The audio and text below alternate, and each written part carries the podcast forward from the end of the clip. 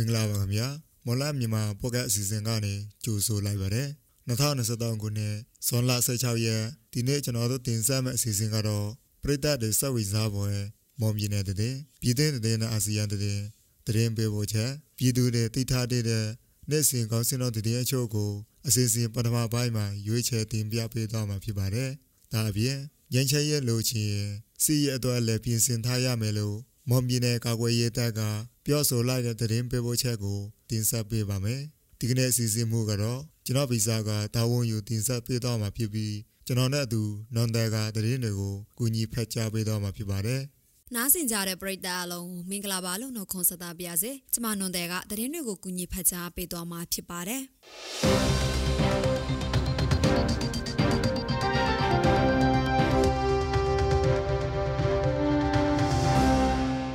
င်မျိုးနဲ့တောင်းဝန်ကျေးရွာအစုကမာဆိုင်ကျေးရွာရန်ကုန်မလမြိုင်ကားလမ်းဘေးရှိ PDD စက်တောင်းစီအယောင်ဆိုင်ဟောင်းထဲမှာပေါက်ပွားနေတဲ့အမျိုးသားနှလောင်တွေ့ရှိခဲ့တယ်လို့သိရပါတယ်။တနေ့ကနေ့လယ်ပိုင်းခန့်က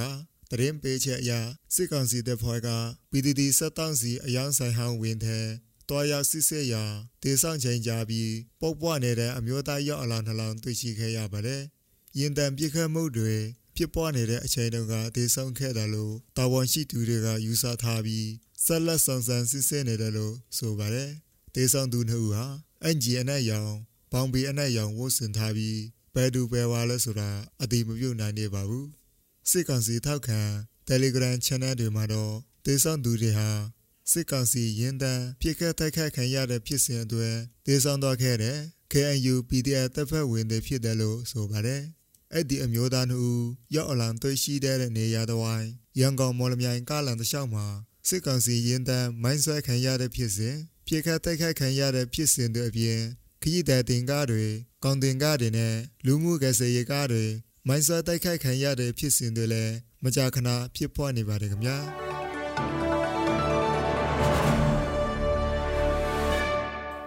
နောက်ထပ်သတင်းသဘောအနေနဲ့ရင်းမြူနယ်ကအရက်ဘက်ကနဲ့လိုက်ပါလာတဲ့စစ်ကောင်စီတပ်သားတွေကို KNA တပ်ရင်20ခွန်ကထိမိဘော်တရားအနီးကြားဖြတ်တိုက်ခိုက်ခဲ့တယ်လို့ KNA ဘက်ကဆိုပါတယ်။တိုက်ခိုက်မှုအတွင်းစစ်ကောင်စီတပ်သား2ဦးသေဆုံးပြီး3ဦးဒဏ်ရာရရှိခဲ့တယ်လို့ KNA တပ်ရင်20ခွန်တာဝန်ရှိသူကပြောပါတယ်။တနေ့က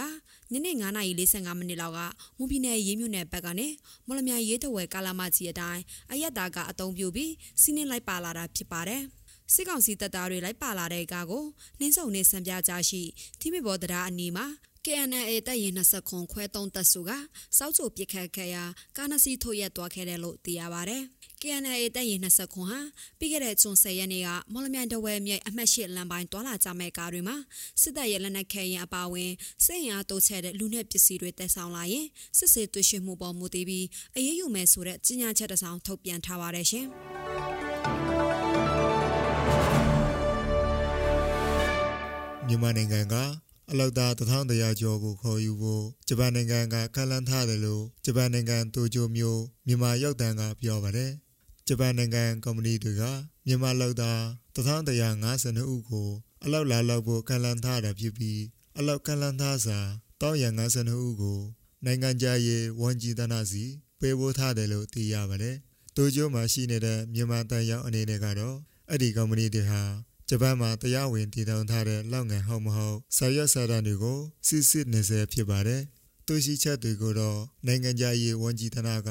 အလောက်သမားဝန်ကြီးဌာနစီပေးပို့ထားပြီးဖြစ်တယ်လို့လည်းသိရပါတယ်။အဲ့ဒီအလောက်တွေကိုပြည်သူကတရားဝင်လိုင်စင်အရာပြည်ပအလောက်ကိုင်းရှာဖွေရေးကုမ္ပဏီတွေကနေစေလွတ်သွားမယ်လို့လည်းသိရပါတယ်။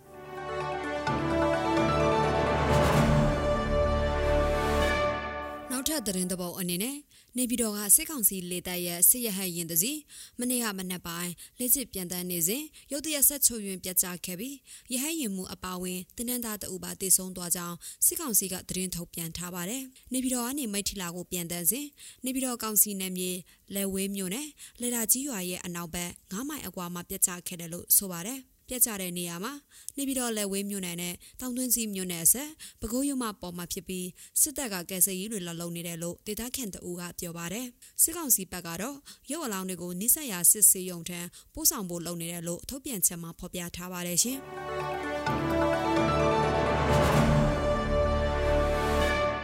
ဒပညာသင်နှစ်မှာစတင်တက်ရောက်နေပြီဖြစ်တဲ့ grade စနစ်ကို အောင်မြင်တဲ့ကျောင်းသားကျောင်းသူတွေဟာတက္ကသိုလ်ဝင်စာမေးပွဲတွေကိုထပ်မံဖြေဆိုရမယ်လို့စစ်ကောင်စီပညာရေးဌာနကနေသိရပါတယ်။ grade စနစ်အစစ်ကိုတက်ရောက်နေတဲ့ကျောင်းသားကျောင်းသူတွေကိုပညာသင်နှစ်အဆောင်မှာကျောင်းတွင်စစ်စာမေးပွဲနဲ့အစိုးရစစ်စာမေးပွဲတစ်ခုကျင်းပမှာဖြစ်ပြီးစာမေးပွဲအောင်မြင်သူတွေကတက္ကသိုလ်ဝင်ခွင့်လျှောက်ထားချိန်မှာအနည်းဆုံးဘာသာရပ်နှစ်ခုဒါမှမဟုတ်အများဆုံးဘာသာရပ်လေးခုကိုထပ်မံဖြည့်ဆို့ရမှာဖြစ်ပါတယ်။ အဲ့ဒီလိုတက္ကသိုလ်ဝင်ခွင့်အတွက်ဖြည့်ဆို့ရမယ့်ဘာသာရပ်တွေထဲမှာ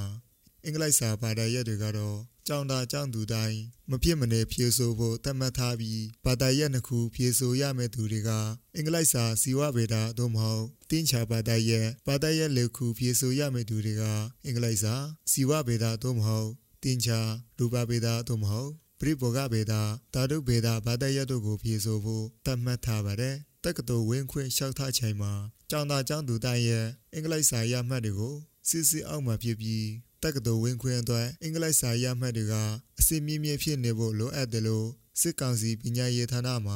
အရာရှိတူကပြောပါတယ်ဂရက်ဆန်နဲ့ကျောင်းစစ်နဲ့ဆိုရစစ်စာမေးပွဲနှစ်ခုစလုံးမှာစစ်စေးမဲ့အင်္ဂလိပ်စာမေးခွန်းတွေမှာတော့အရေးအဖက်အပြောအကြအကျွမ်းကျင်မှုဝဟာရတရားတို့ပါဝင်မှာဖြစ်တယ်လို့လည်းသိရပါတယ်ခင်ဗျာ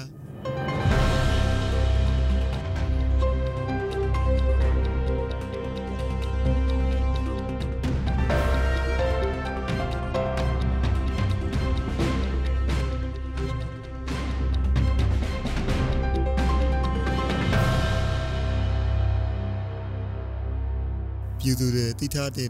နေ့စဉ်ကောင်းစင်တော်တည်အချို့ကိုမော်လမြိုင်ကောင်စီတိုင်းကအချက်လက်တွေကိုအခြေခံပြီးကျွန်တော်ဗီဇာကတင်ဆက်ပေးပါအောင်မယ်ဒီကနေ့ထိုင်းနဲ့မြန်မာငွေလဲနှောင်းကတော့ထိုင်းဘတ်85တသမခွန်ငါဝဲစီရှိပြီးတော့ရောင်းစီက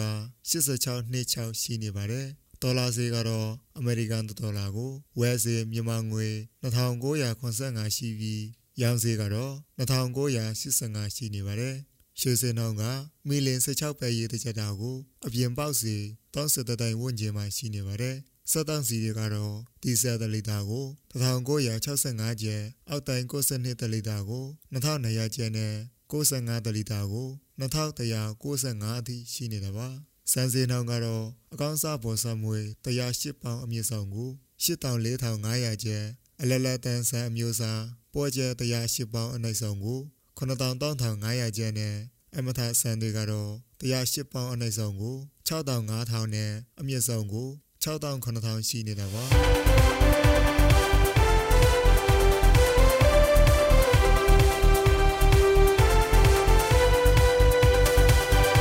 အခုတင်ဆက်ပေးတော့တာကဇွန်လ16ရက်နေ့မှာပြည့်ပြတ်ခဲ့တဲ့မွန်ပြည်နယ်တည်ပြည်သစ်တည်နဲ့အာဆီယံတည်တွေပြင်တနေ့တာစီစီငွေစေးနဲ့ခေါင်းစင်နောက်တွေကိုတင်ဆက်ပေးတော့တာဖြစ်ပါတယ် ဆက်လက်ပြီးတော့ညံချင်ရဲ့လိုချင်ရင်စီးရဲ့အတွက်လည်းပြင်ဆင်ထားရမယ်လို့မွန်ပြည်ကာကွယ်ရေးတပ်ကပြောဆိုလိုက်တဲ့သတင်းပေးပို့ချက်ကိုနေဒီကတင်ဆက်ပေးပါမယ်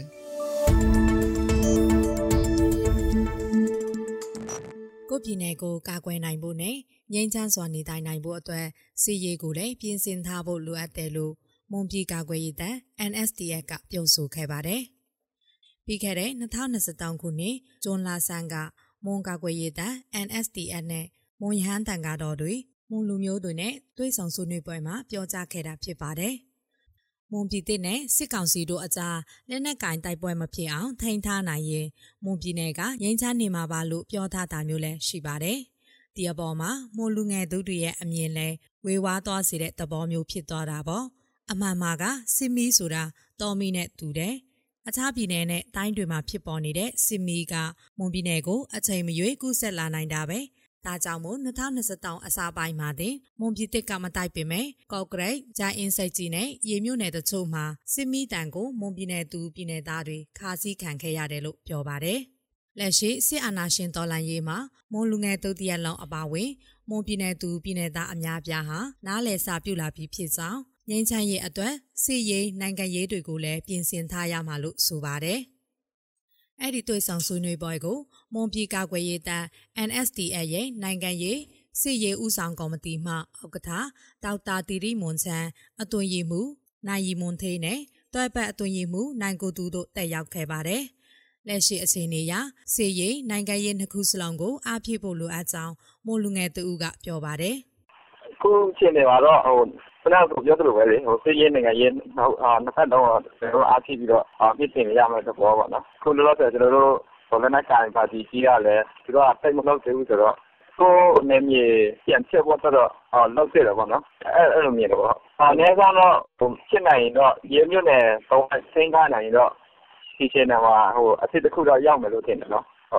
မွန်ကာကွယ်ရေးတပ် MSDF မူဝါဒနဲ့လုပ်ငန်းစဉ်တွေအပေါ်ယုံကြည်ထောက်ပံ့ဖို့လမ်းကြောင်းဖွင့်ထားကြောင်းအမျိုးသားရေးကိုဦးစားပေးတဲ့အမျိုးသားရေးကိစ္စမှုမွန်အမျိုးသားဒုတိယလုံးကြာရခန့်ကန်တာမှာပါဝင်ဖို့လိုအပ်ကြောင်းပြောကြားခဲ့ပါတယ်။မွန်ကာကွယ်ရေးတပ် NSDF ကို တောက်တင်းခိုင်မာတဲ့မွန်အမျိုးသားလက်နက်ကင်တပ်ဖွဲ့တစ်ခုပေါ်ပေါက်လာရေးအတွက်ဖွဲ့စည်းခဲ့ခြင်းဖြစ်ကြောင်းမိမိတို့လက်နက်ကင်တပ်အားကောင်းမှာမွန်အမျိုးသားတရက်လုံးကိုစားပြုတဲ့မွန်လက်နက်ကင်တပ်တွေအင်အားကောင်းလာမှာဖြစ်တယ်လို့ NSDF ကပြောကြားခဲ့ပါတယ်ရှင်။